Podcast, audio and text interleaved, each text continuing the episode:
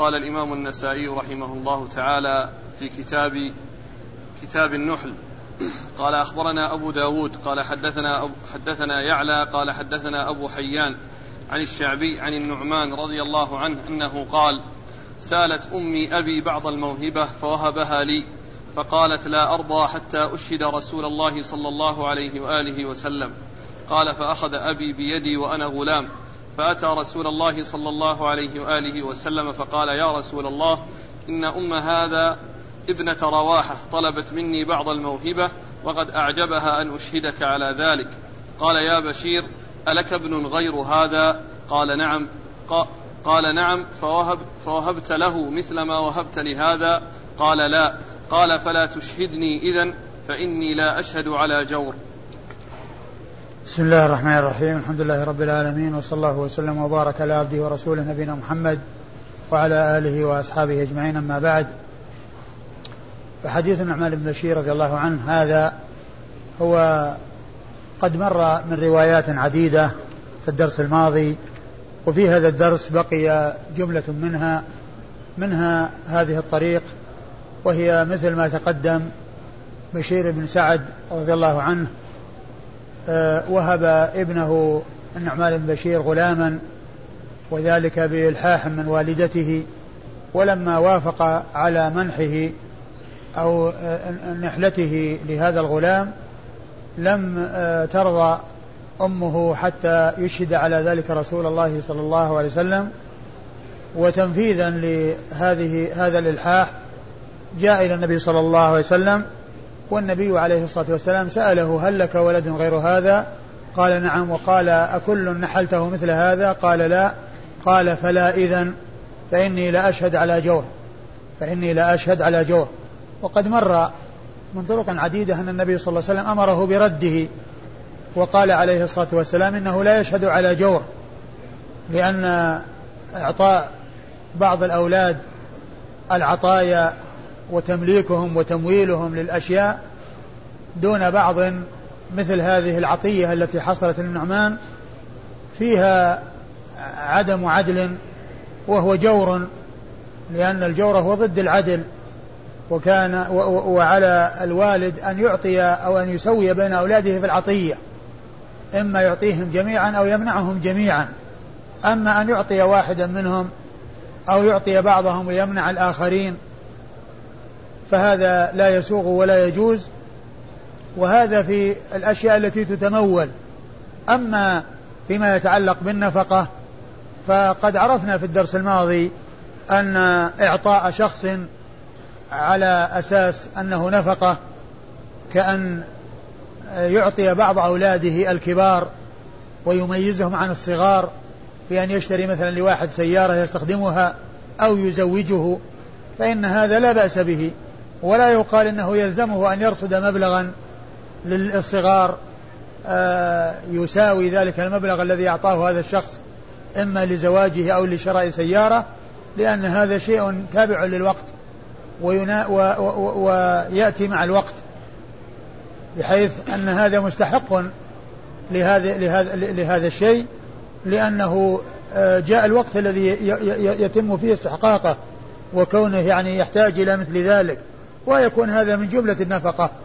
أما أن يعطي هذا غلاما أو يعطي هذا عمارة أو يعطي هذا قطعة أرض أو يعطي هذا بستان أو يعطي هذا كذا هذا لا يسوغ ولا يجوز لأن هذا ليس من جملة من قبيل النفقة وإنما هو من قبيل التمليك.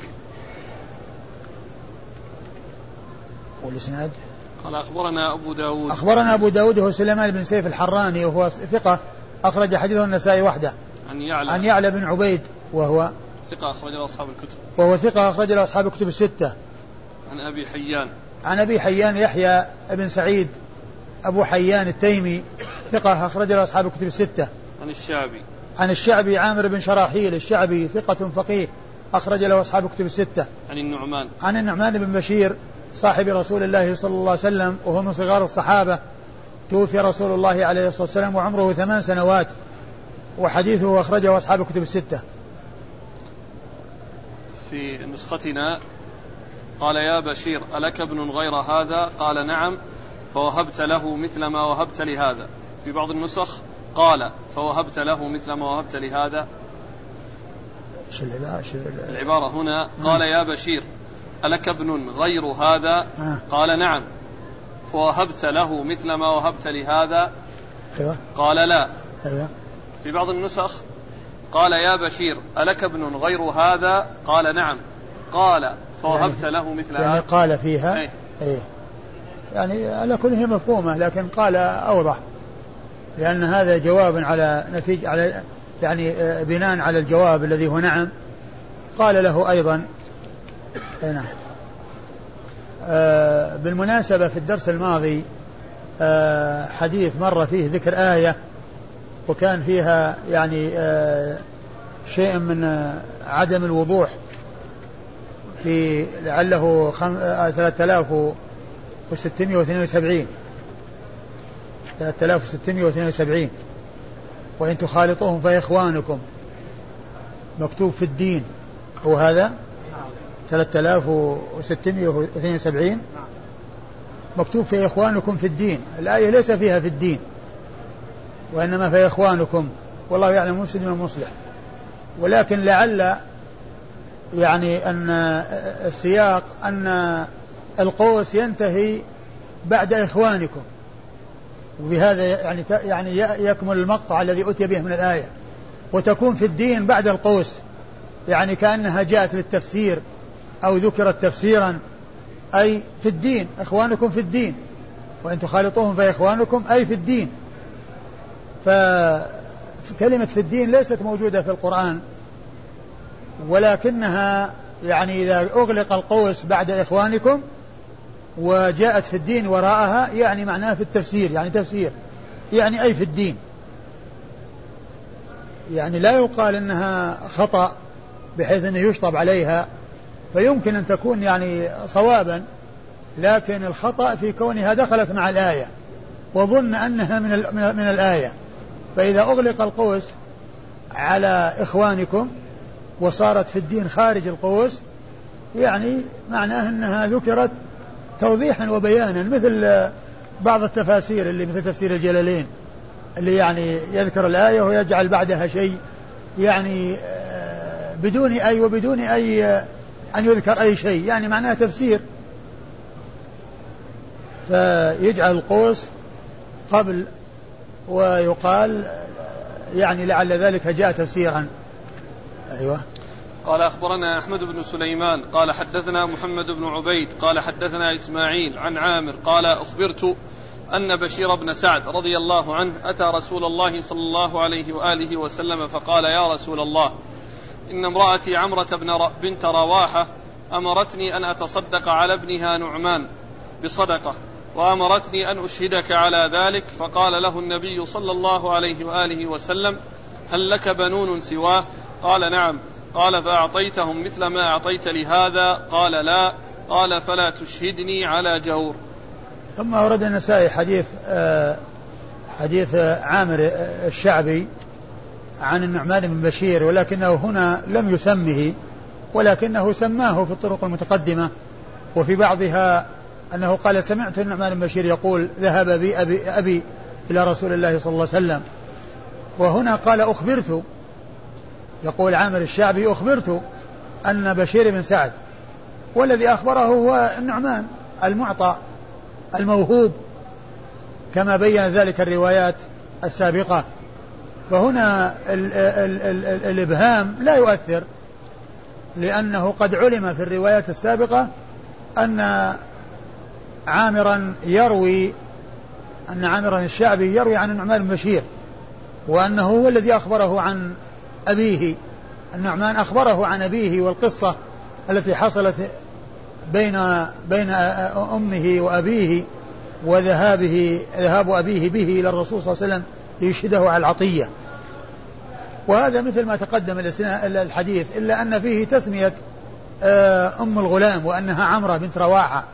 لأن الرواية السابقة فيها أنها بنت رواحة وهذه الرواية فيها تسميتها عمر عمرة وأنها عمرة بنت رواحة.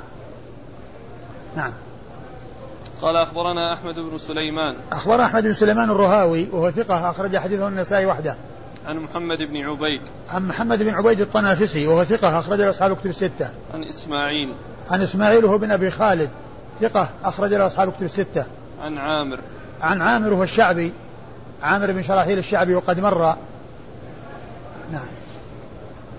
قال أخبرنا أحمد بن سليمان قال حدثنا أبو نعيم قال حدثنا زكريا عن عامر قال حدثني عبد الله بن عتبة بن مسعود.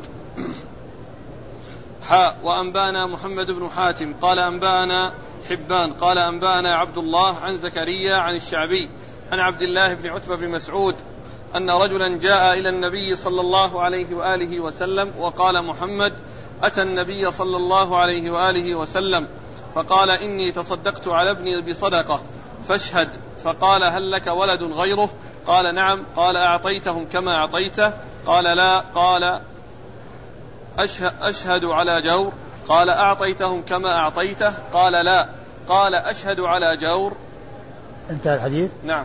ثم ورد النسائي حديث النعمان بن بشير رضي الله عنه. بشير أو النعمان أو, بش أو, أو النعمان لا ما في لا نعمان ولا بشير. من؟ عن عامر. عن عبد الله بن عتبة بن مسعود. عن عبد الله بن عتبة بن مسعود. قال نعم.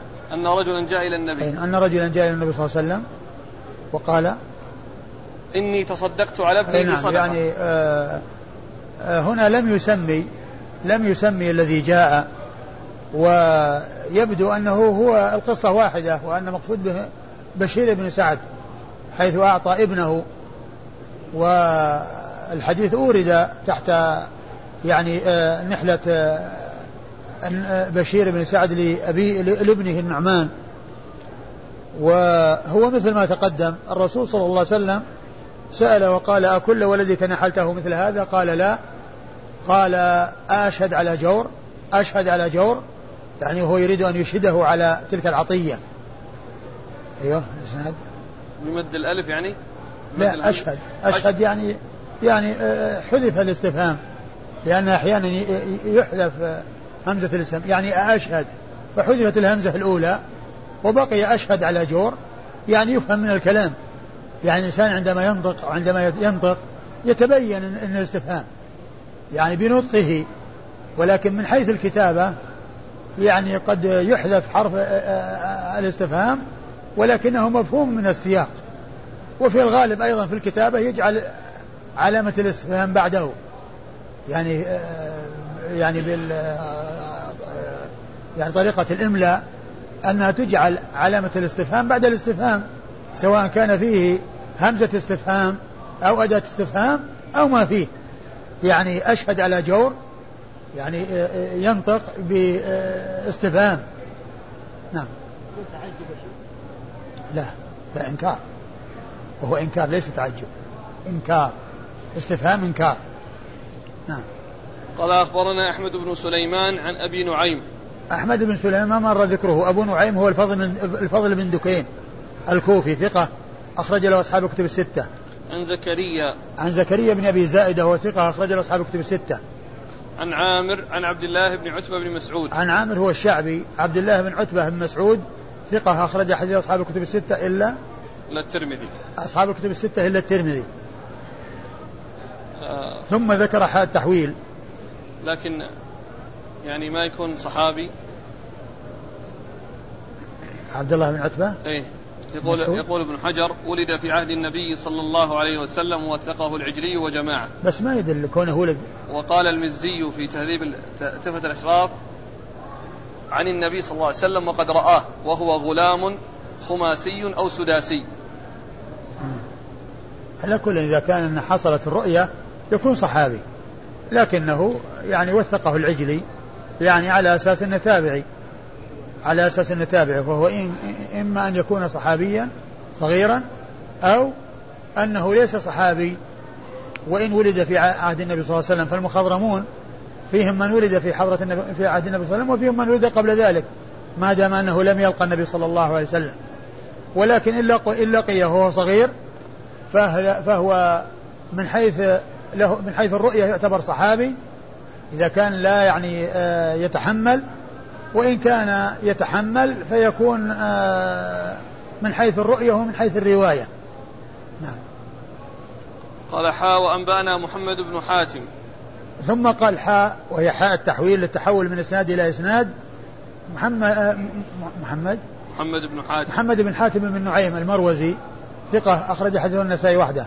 عن حبان. عن حبان بن موسى المروزي وهو ثقة أخرج حديث مسلم وأبو داود. مسلم مسلم البخاري ومسلم والترمذي البخاري ومسلم والترمذي والنسائي. عن عبد الله. عن عبد الله بن المبارك المروزي ثقة أخرج له أصحاب كتب الستة. عن زكريا عن الشعبي عن عبد الله بن عتبة بن مسعود. وقد مر ذكر هؤلاء. قال أخبرنا عبيد الله بن سعيد عن يحيى عن فطر. ولعل الفرق بين الإسنادين أنه ذكر الشعبي في في إسناد وذكر عامر في إسناد. يكون هذا جاء بلقبه وهنا جاء بنسبته جاء باسمه وهنا جاء بنسبته. نعم. والإسناد يلتقي قبل الشعبي التقاء الإسنادين بعد ابن أبي زائدة زكريا بن أبي زائدة عن؟ عن الشعبي. عن الشعبي. نعم لأنه جاء عامر في إسناد وجاء الشعبي في إسناد. الأول في عامر نعم. والثاني فيه الشعبي. نعم. أيوه. محمد حاتم بن نعيم. محمد بن حاتم بن نعيم.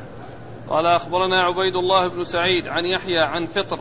قال حدثني مسلم بن صبيح. قال سمعت النعمان بن بشير رضي الله عنهما يقول ذهب بي أبي إلى النبي صلى الله عليه وآله وسلم يشهده على شيء أعطانيه. فقال ألك ولد غيره؟ قال نعم. وصف بيده بكفه أجمع كذا ألا سويت بيدي ألا سويت بينهم؟ ثم ورد النسائي حديث النعمان بن بشير وهو مثل ما تقدم في قصة ذهاب أبيه به إلى النبي صلى الله عليه وسلم وأن النبي عليه الصلاة والسلام لم آه، يقر تلك العطية وأشار بأصابعه أجمع بيده أجمع يعني هكذا أي ألا سويت بينهم؟ يعني يمكن أن يكون أشار بالنفي يعني أصابعه مجتمعة أو أنه أراد أنه يسوي بينهم كما يحصل التسوية بين الأصابع بحيث يعني يكون كلهم على وتيرة واحدة إما في العطاء وإما في المنع. إما أن يعطيهم جميعا وإما أن يمنعهم جميعا. وهذا في كما عرفنا بالنسبة للعطاء والتمليك. أما فيما يتعلق بالنفقة فيختلف الحكم. نعم. قال أخبرنا عبيد الله بن سعيد. عبيد الله بن سعيد السرخسي ثقة. أخرج حديث البخاري ومسلم والنسائي. عن يحيى. عن يحيى القطان ثقة أخرج له أصحاب الكتب الستة. عن فطر. عن فطر بن خليفة وهو صدوق أخرج له البخاري وأصحاب السنة الأربعة. عن مسلم بن صبيح. عن مسلم بن صبيح وهو أبو الضحى مشهور بكنيته. يأتي كثيرا بكنيته ويأتي باسمه كما هنا. وهو ثقة أخرج له أصحاب الكتب الستة. عن النعمان بن بشير. عن النعمان بن بشير وقد مر ذكره. قال وصف بيده بكفه أجمع. كذا. كيف الطريق؟ يعني لعله هكذا. يعني معناه أنه أشار إما أشار بها بالمنع يعني لا أو أنه مقصوده يعني التسوية بينهم كما يسوى بين الأصابع. إذا كانت مصفوفة الأصابع هكذا يعني ما سوي بينها. قال أخبرنا محمد بن حاتم قال أنبأنا حبان قال أنبأنا عبد الله. عن فطر عن مسلم بن صبيح قال سمعت النعمان رضي الله عنه يقول وهو يخطب. انطلق بي أبي إلى رسول الله صلى الله عليه وآله وسلم يشهده على عطية أعطانيها. فقال هل لك بنون سواه؟ قال نعم. قال سوي بينهم. ثم أورد النسائي حديث النعمان بن بشير من طرق أخرى وهو مثل ما تقدم إلا أن فيه أنه كان يخطب وهذا فيه دلالة على إعلان السنن وإبلاغها للناس لأنه كان يبلغهم بهذه القصة التي حصلت له وهو يخطب لأن إعلان السنن على المنابر وبالخطب وذكر أحاديث الرسول صلى الله عليه وسلم تبلغ من تبلغ من الناس من حيث الكثرة لأن من يسمع الخطبة آه لا سيما ما يكون فيها مع رفع الصوت ومع كثرة الناس يكثر النقلة. والآخذون لتلك السنن والأحاديث. نعم. قال أخبرنا محمد بن حاتم عن حبان عن عبد الله عن فطر عن مسلم بن صبيح عن النعمان. وكلهم مر ذكرهم في الإسناد الذي قبل هذا. قال أخبرنا يعقوب بن سفيان قال حدثنا سليمان بن حرب قال حدثنا حماد بن زيد عن جابر بن المفضل بن المهلب عن أبيه عن قال سمعت حاجب. عن حاجب بن المفضل يعني جابر خطأ. عن حاجب بن المفضل بن المهلب عن أبيه قال سمعت النعمان بن بشير رضي الله عنهما يخطب. قال قال رسول الله صلى الله عليه وآله وسلم اعدلوا, اعدلوا بين أبنائكم. اعدلوا بين أبنائكم. ثم ورد النسائي حديث النعمان بن بشير وفيه أن النبي عليه الصلاة والسلام كان يعني يقول بعدما آه ذكر قصة آه النعمان وإعطاء أبيه له تلك العطية قال اعدلوا بين أبنائكم اعدلوا بين أبنائكم. وجاء في عند غير النساء اتقوا الله واعدلوا بين أبنائكم. اتقوا الله يعني في آخر الحديث فلا تشهدني على جور اتقوا الله واعدلوا بين أبنائكم. اتقوا الله واعدلوا بين أبنائكم. والتكرار اعدلوا بين أبنائكم اعدلوا بين أبنائكم للتأكيد. نعم. قال أخبرنا يعقوب بن سفيان يعقوب بن سفيان ثقة أخرج حديث الترمذي والنسائي. عن سليمان بن حرب. سليمان بن حرب ثقة أخرج له أصحاب الكتب الستة. عن حماد بن زيد. عن حماد بن زيد ثقة أخرج له أصحاب الكتب الستة. عن حاجب بن المفضل بن المهلب. عن حاجب بن المفضل بن المهلب وهو صدوق مخطئ. ثقة. ثقة. أخرج له أبو داود والنسائي. ثقة أخرج له أبو داود والنسائي عن أبيه وهو صدوق أخرج أبو داود وهو صدوق أخرج حديث أبو داود والنسائي. عن النعمان بن بشير. عن النعمان بن بشير وقد مر ذكره. قال كتاب الهبة هبة المشاع.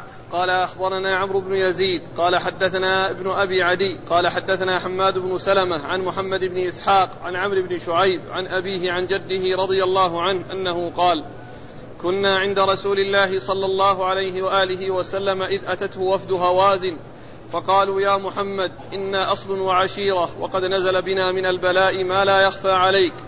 فامن علينا من الله عليك. فقال اختاروا من أموالكم أو من نسائكم وأبنائكم. فقالوا قد خيرتنا بين أحسابنا وأموالنا بل نختار نساءنا وأبناءنا. فقال رسول الله صلى الله عليه وآله وسلم أما ما كان لي أما ما كان لي ولبني عبد المطلب فهو لكم. فإذا صليت الظهر فقوموا فقولوا إنا نستعين برسول الله على المؤمنين أو المسلمين في نسائنا وأبنائنا. فلما صلوا فلما صلوا الظهر قاموا فقالوا ذلك. فقال رسول الله صلى الله عليه وآله وسلم فما كان لي ولبني عبد المطلب فهو لكم. فقال المهاجرون وما كان لنا فهو لرسول الله صلى الله عليه وآله وسلم. وقالت الأنصار ما كان لنا فهو لرسول الله صلى الله عليه وآله وسلم. فقال الأقرع بن حابس أما أنا وبنو تميم فلا. وقال عيينة بن حصن أما أنا وبنو فزارة فلا. وقال العباس بن مرداس أما أنا وبنو سليم فلا. فقامت بنو سليم فقالوا كذبت ما كان لنا فهو لرسول الله صلى الله عليه وآله وسلم.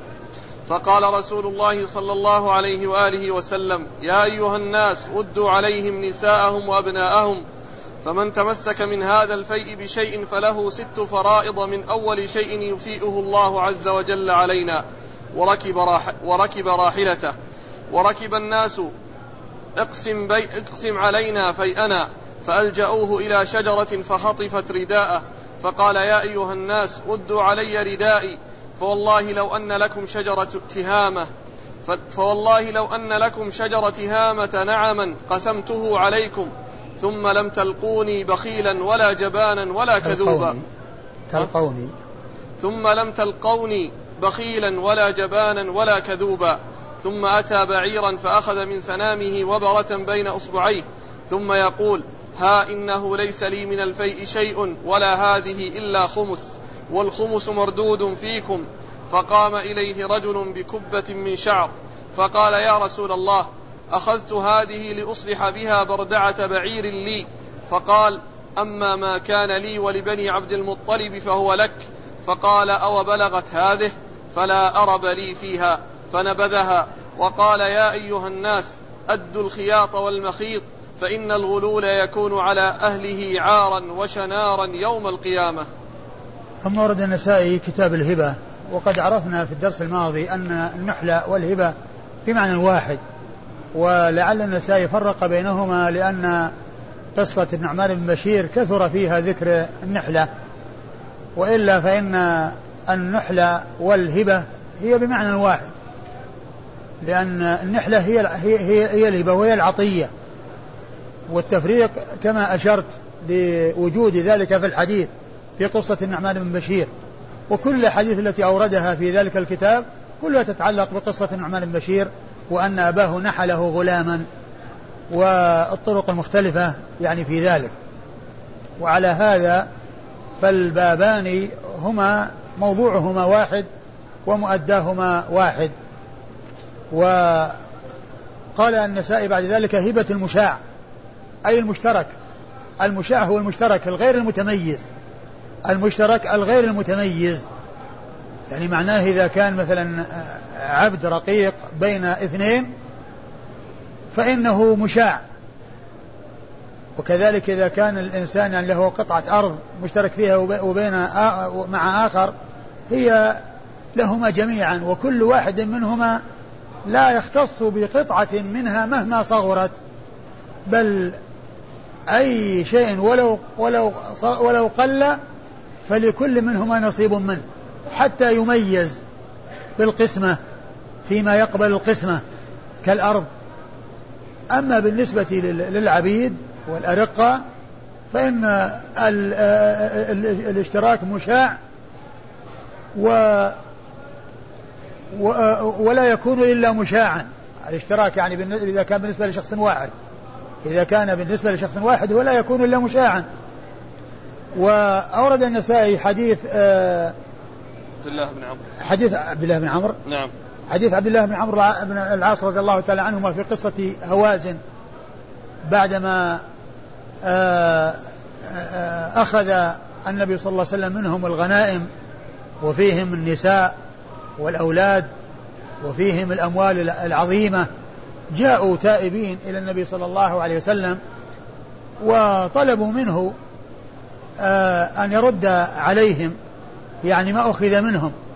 فالنبي عليه الصلاة والسلام خيرهم بين أن يرد عليهم من أموالهم أو من أبنائهم ونسائهم. قالوا خيرتنا فنختار أحسابنا النساء والأولاد. النساء والأولاد. يعني ما دام المسألة فيها تخيير بين النساء وأولاد وبين المال يأخذون النساء والأولاد ويخلصونهم من الرق. فالنبي عليه الصلاة والسلام قال ما كان لي وبني عبد المطلب هو لكم. يعني ما يتعلق بالخمس والذي يرجع قسمته إلى الرسول صلى الله عليه وسلم والاستحقاق فيه للرسول صلى الله عليه وسلم ولأهل بيته قال هو لكم. أنا متنازل وأعطيكم. لكن يبقى الأربعة الأخماس التي هي للغانمين.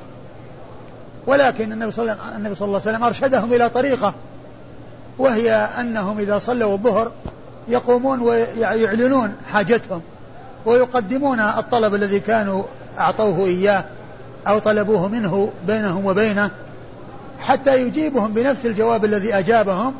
ثم بعد ذلك يمكن الناس أن يتابعوه وأن يصيروا إلى ما صار إليه عليه الصلاة والسلام. فنفذوا. وهذا من نصحه صلى الله عليه وسلم وشفقته وحرصه على يعني ما يعود بالخير والمنفعة. فقال لهم إذا صليتم الظهر فقوموا وقولوا كذا وكذا. يعني هالكلام اللي قلته لي؟ آه، آه، اذكروه بعد صلاة الظهر أمام الناس. حتى يجيبهم بنفس الجواب ويترتب على ذلك أنه يتبعه. إذا أجابهم بهذا الجواب الذي أعطاهم إياه بينهم وبينه أعطاهم إياه أمام الناس يمكن الناس يتابعونه فتابعه المهاجرون والأنصار. ولكن بعض القبائل يعني تمسك بحقه فقال قالت الأنصار ما كان لنا فهو لرسول الله. يعني متنازلون والمهاجرون قالوا كذا والأنصار قالوا كذا و الأقرع بن حابس التميمي قال أنا وبنو تميم فلا. وعيينة بن حصن الفزاري قال أنا وبني فزارة فلا. والعباس بن مرداس قال أنا وبن سليم أنا وبن سليم فلا. فقامت جماعة من بني سليم وقالوا كذبت. يعني ما كان لنا هو لرسول الله صلى الله عليه وسلم. ما كان لنا فهو لرسول الله صلى الله عليه وسلم. النبي عليه الصلاة والسلام خاطب الناس خطابا عاما. وقال يا أيها الناس ردوا عليهم سبيهم. و ومن تمسك بحقه ومن تمسك بحقه فإن معطوه ست فرائض من أول ما يفي الله علينا. والفرائض قيل المراد بها الإبل. وقد جاء في بعض الأحاديث يعني في بعض الروايات في غير النسائي وهي في الصحيحين أو في أحدهما أن النبي صلى الله عليه وسلم قال من كان له شيء فنحن نرد عليه من من أول ما يفي الله علينا. يعني الشيء الذي يستحقه. الشيء الذي يستحقه. وهو سيرد عليهم بنين ونساء. لأن هذا هو الذي اختاروه. فردوا عليهم سبيهم. وبعد ذلك أحاط الناس برسول الله صلى الله عليه وسلم يطلبون منه القسمة يعني قسمة المال. فالنبي عليه الصلاة والسلام ألجأوه إلى شجرة يعني وهم يحيطون به فخطفت رداءه. فقال عليه الصلاة والسلام ردوا ردائي علي فلو كان لي مثل شجر تهامة نعم لقسمته بينكم ثم لا تجدوني بخيلا ولا جبانا ولا كذوبا. يعني أن مهما بلغ المال ومهما كثر فإنه لكم. وأخذ وبرة من بعير وجعلها بين أصبعيه أو أصابعه بيده قال ليس لي من هذه إلا الخمس وهو مردود عليكم. فلما رأى رجل أن النبي صلى الله عليه وسلم أخذ هذه الوبرة وهي قطعة من من شعر أخذها من ظهر بعير. وقال حتى هذه ليس لي منها إلا مقدار الخمس. وكان قد أخذ شعرا يقال له كبة يعني آه، مجموعة من الشعر ملتم بعضه إلى بعض يريد أن يصلح به برذعة يعني بعيره. والمقصود بها الحلس الذي يوضع تحت الركاب لأن الركاب أو الرحل يكون من خشب. ويكون تحت الخشب وقاء يعني يكون بين جلد البعير وبين الخشب الذي يكون منه الرحل. هذا يسمى حلس ويسمى برذعة ويأتي غالبا ذكر البرذعة مع الحمير. وهنا جاء إطلاقها فيما يتعلق بالإبل. فقال النبي صلى الله عليه وسلم ما كان لي منها ولبني عبد المطلب فهو لك. فلما رأى أن المسألة مع أن هذه ليس لها أهمية وليس لها قيمة. ومع ذلك الرسول صلى الله عليه وسلم يقول ما كان لي منها وبني عبد المطلب. قال وبلغت هذه يعني إلى هذا الحد لا أرب لي فيها ورماها. يعني معناه أنه لا يأخذها ما دام أن, أن هذا وإن كان قليلا فإنه آه، يعتبر غلول وأن الإنسان ليس له أن يأخذه. والرسول صلى الله عليه وسلم قال ما كان لي منها وبني عبد المطلب هو لك. ثم فرماها وقال آه إيش في الآخر؟ قال لا فإن لا أرب لي فيها فنبذ. وقال يا أيها الناس أدوا الخياط والمخيط. أدوا الخياط والمخيط. الخياط والمخيط. الخياط والمخيط. يعني آه، الإبرة. يعني ولو كان شيئا قليلا هو مقدار إبرة فإنه يؤدى. قال فإن الغلول عار وشنار على أهل يوم القيامة. يوم القيامة؟ نعم. نار. عار وشنار. عار وشنار على أهله يوم القيامة. وهذا يدل على خطورة آه، الغلول. وأنه وإن كان قليلا فلا يحق لأحد أن يأخذه بل يتركه في الغنائم ويقسم كما تقسم الغنائم. ففيه التحذير من الغلول وفيه ومحل الشاهد من إيراد الحديث أن النبي صلى الله عليه وسلم قال ما كان لي وبن المطلب فهو لكم لأنه وهبهم الشيء الذي يستحقه. والمقصود كون هبة المشاع لأن الغنائم قبل أن تقسم هي مشاعة. كل واحد من الغانمين وكل واحد ممن له حق له نصيب في كل شيء حتى يقسم. وإذا قسم وصار لكل عين يختص بها ذهبت الإشاعة وبقي غير مشاع بل متعين. ومقصود النسائي من إيراد الحديث بطوله أن النبي صلى الله عليه وسلم قال ما كان لي وبني عبد المطلب فهو لكم. يعني وهبهم. والمقصود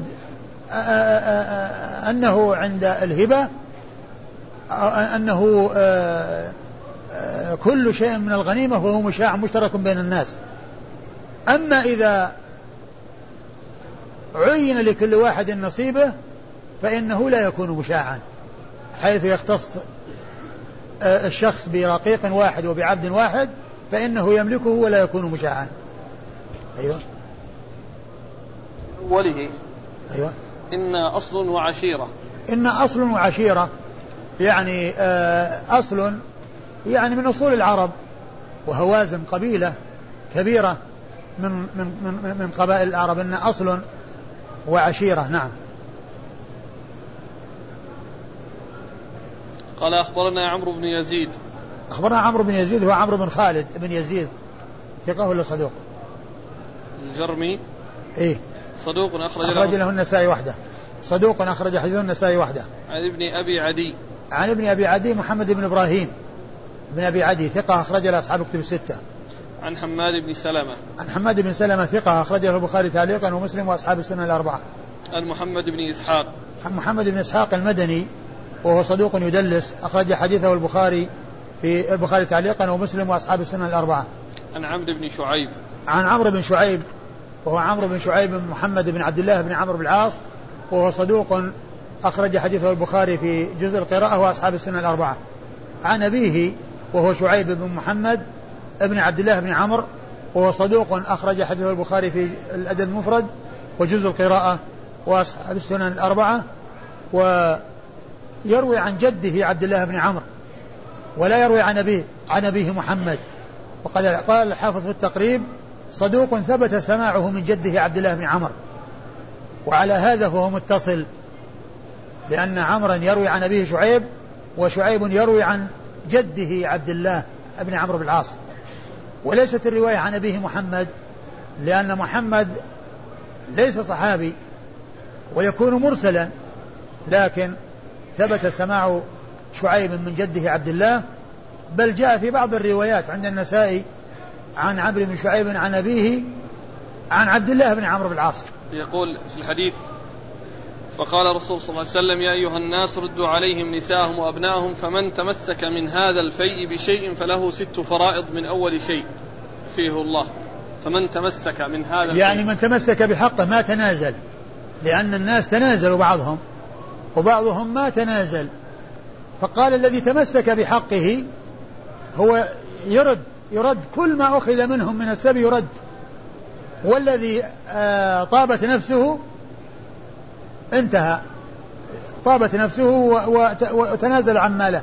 أما من لم يرد مثل الأقرع بن حابس ومثل عيينة بن حصن الذين كل واحد قال لا. قال إننا معطوه من أول ما يفي الله لنا آه ست آه فرائض. وفي بعض الأحاديث ما فيه ذكر وإنما نرد عليه يعني استحقاقه أو أو يعني مثل ما أخذ منه في أول فيء يفيئه الله علينا. والحديث ورد في البخاري وفي غيره. وكان فيه أن النبي صلى الله عليه وسلم لما قال لهم آه، أن هؤلاء جاءوا تائبين وأننا نريد أن نرد عليهم فيئهم فمن آه، منكم طيب؟ قالوا طيبنا طيبنا يا رسول الله. يعني معناه كلنا سمحنا فالرسول صلى الله عليه وسلم قال لا ندري من طيب ولم يطيب لكن ليذهب عرفاؤكم وليأتي إلينا عرفاؤكم. يعني كل واحد يأتي عن جماعته يخبر بمن طيب فذاك ومن لم يطيب يعني نفسه ما طابت فإنا سنرد عليه. لكن هذا يرجع لهم. يعني هؤلاء يرجع لهم ما أخذ منهم من السبي ولكننا نعوض من لم تسمح نفسه ولم تطب نفسه نعوضه من أول ما يفيء الله علينا. قوله وركب راحلته وركب الناس. اقسم علينا فيانا. ركب راحلته يعني آه ركب راحلته يعني يريد أن يمشي والناس ركبوا وأحاطوا به. يقول اقسم يعني اقسم المال. هم هم هوازن؟ لا ال ال لا هذا أصحاب الغنائم. أصحاب الغنائم ليش هوازن؟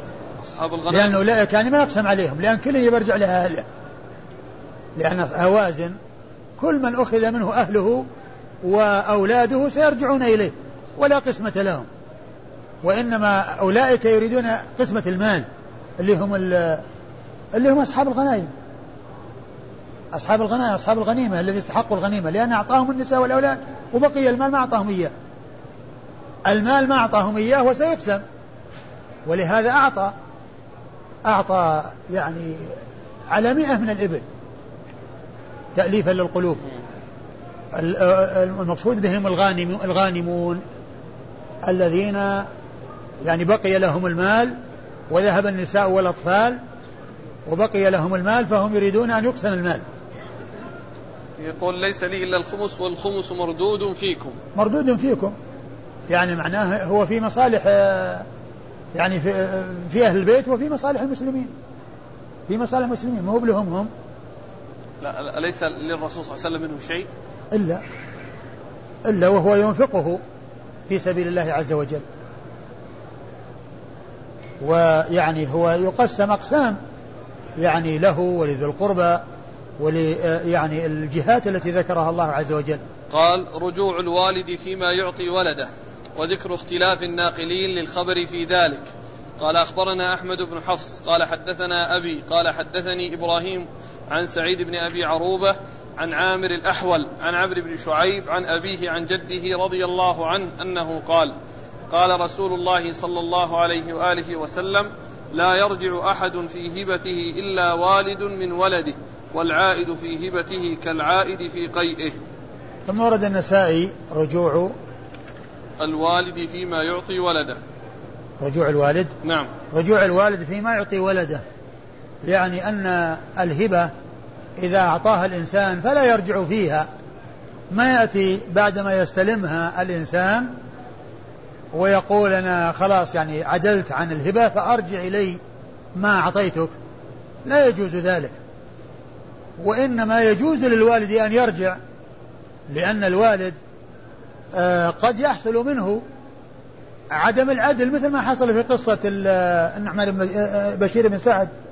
يعني أعطى أحد ولد أعطى أحد بنيه وكان يجب عليه التسوية وهو طلب منه أن يرده وأن يسوي بينهم في العطاء أو المنع. يسوي بينهم في العطاء أو المنع. فالوالد مستثنى بأن يرجع في هبته إلى على ولده. وقد يكون الرجوع لأمر لا بد منه كعدم كالعدل والبعد عن الجور. وأما غيره فليس له ذلك. والنبي صلى الله عليه وسلم أخبر بأنه لا يرجع أحد في هبته إلا الوالد وضرب لذلك مثلا فيه التنفير من هذا العمل وقال إن العائد في هبته كالكلب يقي في في في فيعود في قيئه. يعني يأكل حتى يشبع ثم يقيء ثم بعد ذلك يرجع ويأكل قيئه ويأكل قيئه فهذا تنفير. وتشبيه بعمل الكلب فهو تقبيح للعمل وبيان يعني فظاعته وأنه سيء للغاية حيث شبهه النبي صلى الله عليه وسلم بعمل الكلب. والكلب معروف بخسته ودناءته وأن من يكون كذلك فعمله قبيح. هذا فيه التنفير. وبعض العلماء قال إن هذا يدل على التحريم وبعضهم قال يدل على التقبيح وأن هذا يعني شيء يعني آه يعني آه ليس بسائغ ولو فعل أو لرجع في هبته لجاز. لكن هذا التمثيل وهذا المنع في قوله لا يحل يعني يدل على التحريم. نعم. قال أخبرنا أحمد بن حفص. وفي الحديث ضرب الأمثال لتقريب يعني الشيء في صورة المحسوس حتى يكون أمكن في النفوس. قلنا أخبرنا أحمد بن حفص. أخبرنا أحمد بن حفص بن عبد الله بن راشد النيسابوري وهو صدوق أخرج له البخاري وأبو داود والنسائي. صدوق أخرج حديث البخاري وأبو داود والنسائي. عن أبيه. عن أبيه وهو ثقة. صدوق. صدوق أخرج حديثه مثل مثل ابنه. وزياد بن ماجه. وزيادة بن ماجه. البخاري وأبو داود والنسائي وابن ماجه. عن إبراهيم. عن إبراهيم بن طهمان وهو ثقة أخرج له أصحاب كتب الستة. عن سعيد بن أبي عروبة. سعيد بن أبي عروبة ثقة أخرج له أصحاب كتب الستة. عن عامر الأحول. عن عامر الأحول عامر بن عبد الواحد الأحول وهو صدوق يخطئ. نعم.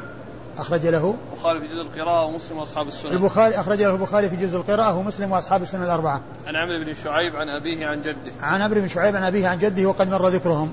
قال أخبرنا محمد بن المثنى قال حدثنا ابن أبي عدي عن حسين عن عمرو بن شعيب قال حدثني طاووس عن ابن عمر وابن عباس رضي الله عنهم يرفعان الحديث إلى النبي صلى الله عليه وآله وسلم أنه قال لا يحل لرجل يعطي عطية ثم يرجع فيها إلا الوالد فيما يعطي ولده ومثل الذي يعطي عطية ثم يرجع فيها كمثل الكلب أكل حتى إذا شبع قاء ثم عاد في قيئه. ثم ورد النسائي حديث آه، عمرو بن شعيب عن أبيه عن جده وهو مثل ما تقدم. ليس. عن حديث ابن عمر وابن حديث ابن عباس. عمر ابن عمر وابن عباس. حديث ابن عمر وابن عباس رضي الله تعالى عنهما وهو مثل ما تقدم في حديث عمرو بن شعيب عن أبيه عن جده. نعم. قال أخبرنا محمد بن المثنى. محمد المثنى الزمن أبو موسى العنزي ثقة أخرج له أصحاب كتب الستة بل هو شيخ لأصحاب كتب الستة. عن ابن أبي عدي عن حسين. عن ابن أبي عدي مر ذكره. عن حسين هو بن ذكوان المعلم وهو ثقة أخرج له أصحاب كتب الستة. عن عمرو بن شعيب عن طاووس. عن عمرو بن شعيب وقد مر ذكره. عن طاووس ابن كيسان ثقة أخرج له أصحاب كتب الستة. عن ابن عمر. عن ابن عمر عبد الله بن عمر بن الخطاب رضي الله عنهما أحد العبادلة الأربعة وأحد السبعة المعروفين بكثرة الحديث عن النبي صلى الله عليه وسلم ومثله عبد الله بن عباس رضي الله تعالى عنهما. قال أخبرنا محمد بن عبد الله الخلنجي المقدسي قال حدثنا أبو سعيد وهو مولى بني هاشم عن وهب. قال حدثنا ابن طاووس عن أبيه عن ابن عباس رضي الله عنهما أنه قال قال رسول الله صلى الله عليه وآله وسلم العائد في هبته كالكلب يقيء ثم يعود في قيئه. ثم ورد النسائي حديث ابن عباس وهو مثل ما تقدم.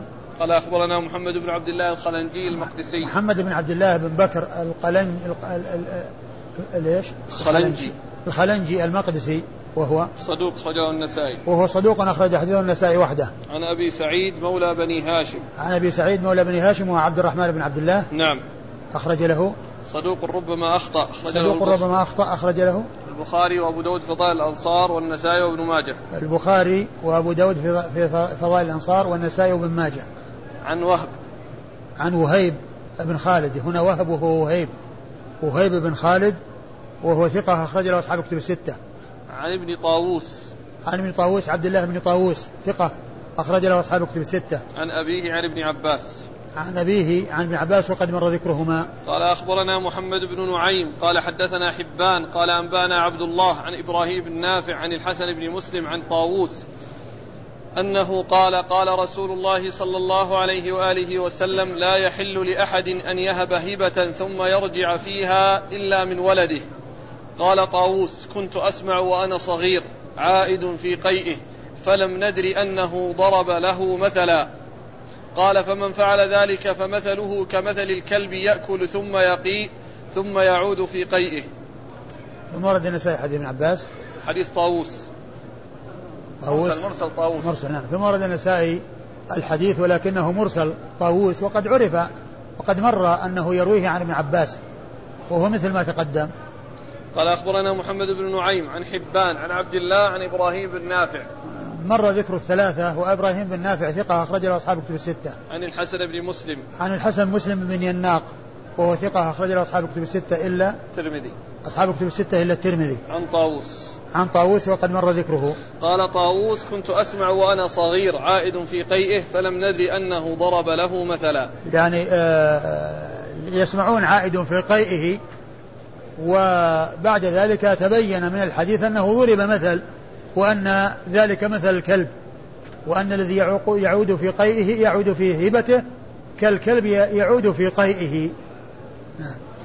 قال ذكر الاختلاف لأن لخبر الناس يعني كما هو معلوم الواحد لا يعود في قيئه. ولكن من يفعل يعني يأخذ الهبة وقد آه، يعني أخرجها فإنه كالكلب الذي يعود في قيئه. وإلا فإنهم يعرفون الناس يعني ما يعودون في قيئهم. ولكن المقصود هو ضرب المثل. نعم.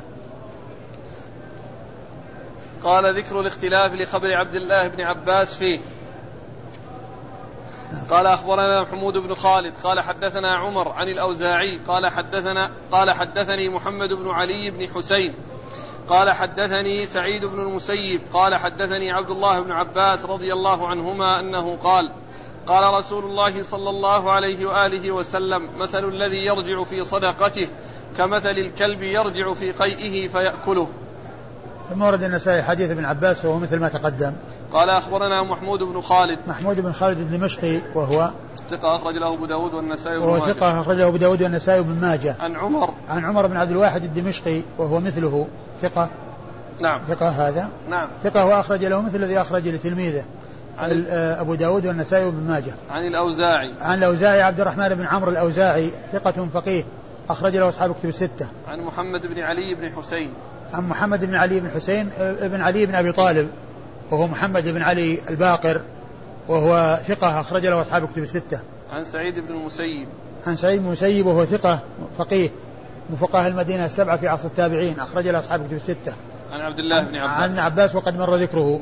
قال أخبرنا إسحاق بن منصور قال حدثنا عبد الصمد قال حدثنا حرب وهو ابن شداد قال حدثني يحيى هو ابن أبي كثير قال حدثني عبد الرحمن بن عمرو هو الأوزاعي أن محمد بن علي بن حسين بن فاطمة بنت رسول الله صلى الله عليه وآله وسلم حدث حدثه عن سعيد بن المسيب عن ابن عباس أن النبي صلى الله عليه وآله وسلم قال مثل الذي يتصدق بالصدقة ثم يرجع فيها كمثل الكلب قاء ثم عاد في قيئه فأكله.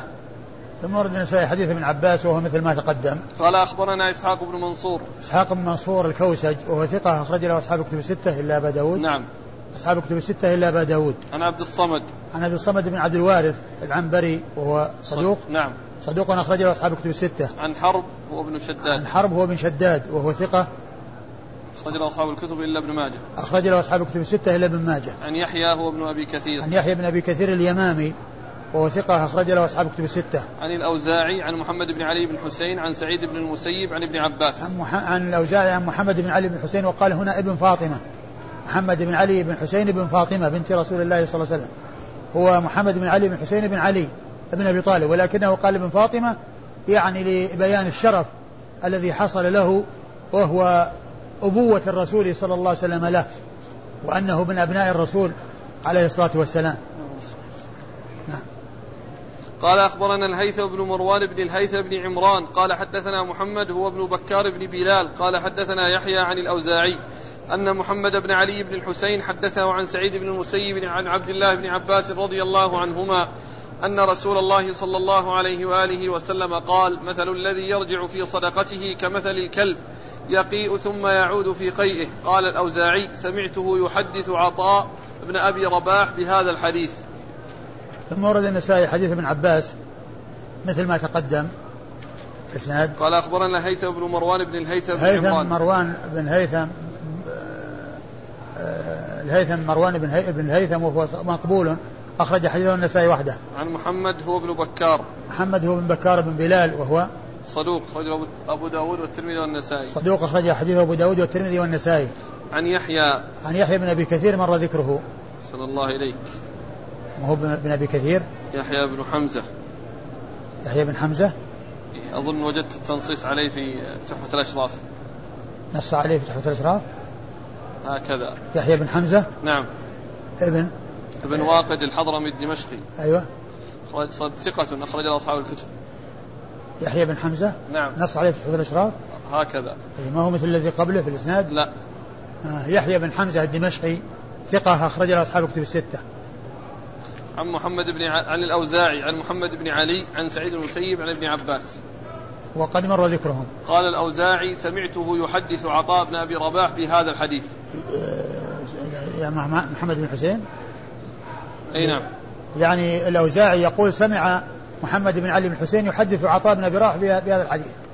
يعني كان يحدث غيره فسمع منه.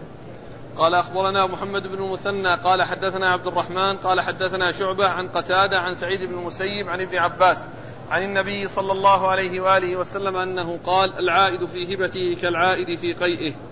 ثم ورد النسائي حديث ابن عباس وهو مثل ما تقدم. قال أخبرنا محمد بن المثنى عن عبد الرحمن. محمد بن المثنى مر ذكره عبد الرحمن هو بن مهدي ثقة أخرج له أصحاب كتب الستة. عن شعبة. عن شعبة بن الحجاج الواسطي ثم البصري ثقة. وصف بأنه أمير المؤمنين في الحديث وحديث أخرج أصحاب كتب الستة. عن قتادة. عن قتادة من دعامة السدوسي البصري ثقة.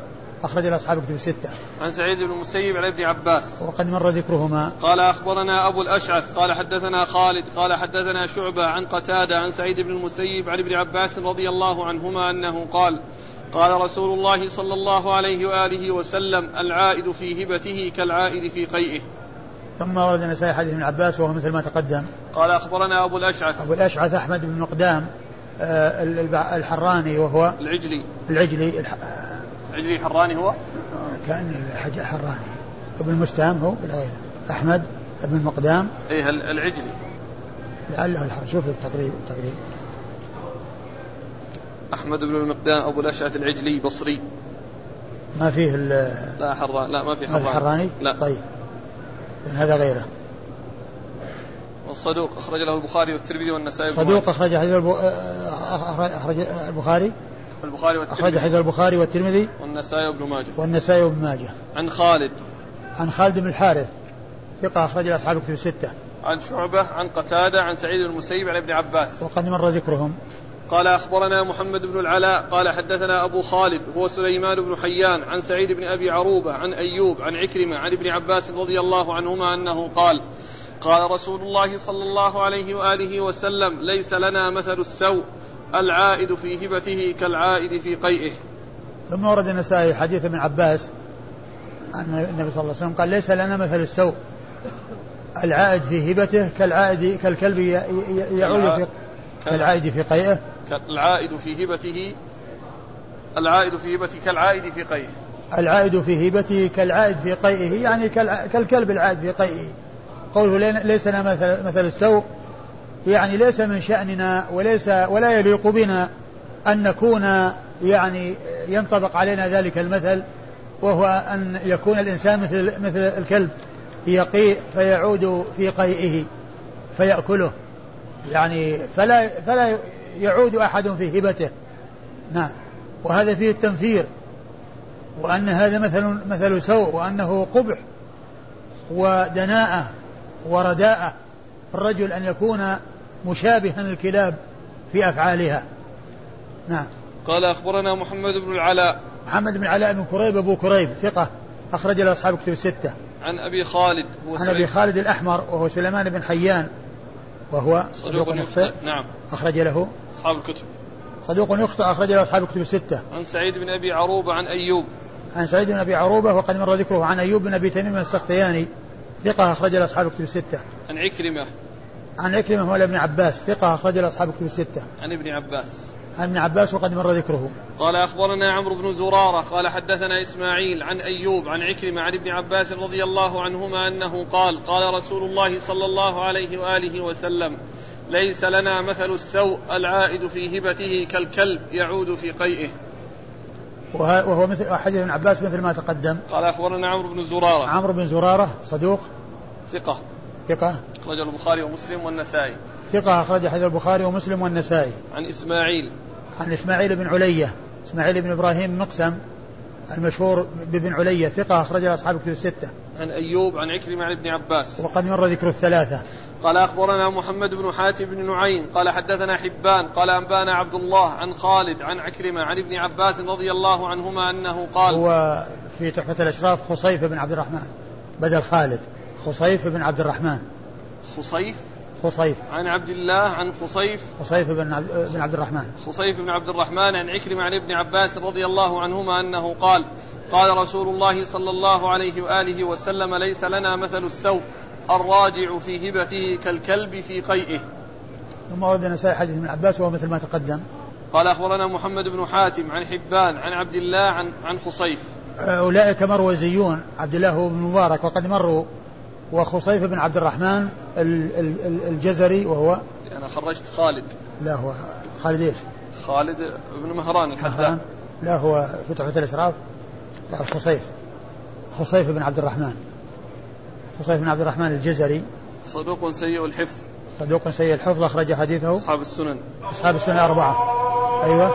عن عكرمة عن ابن عباس. عن عكرمة عن ابن عباس وقد مر ذكرهما.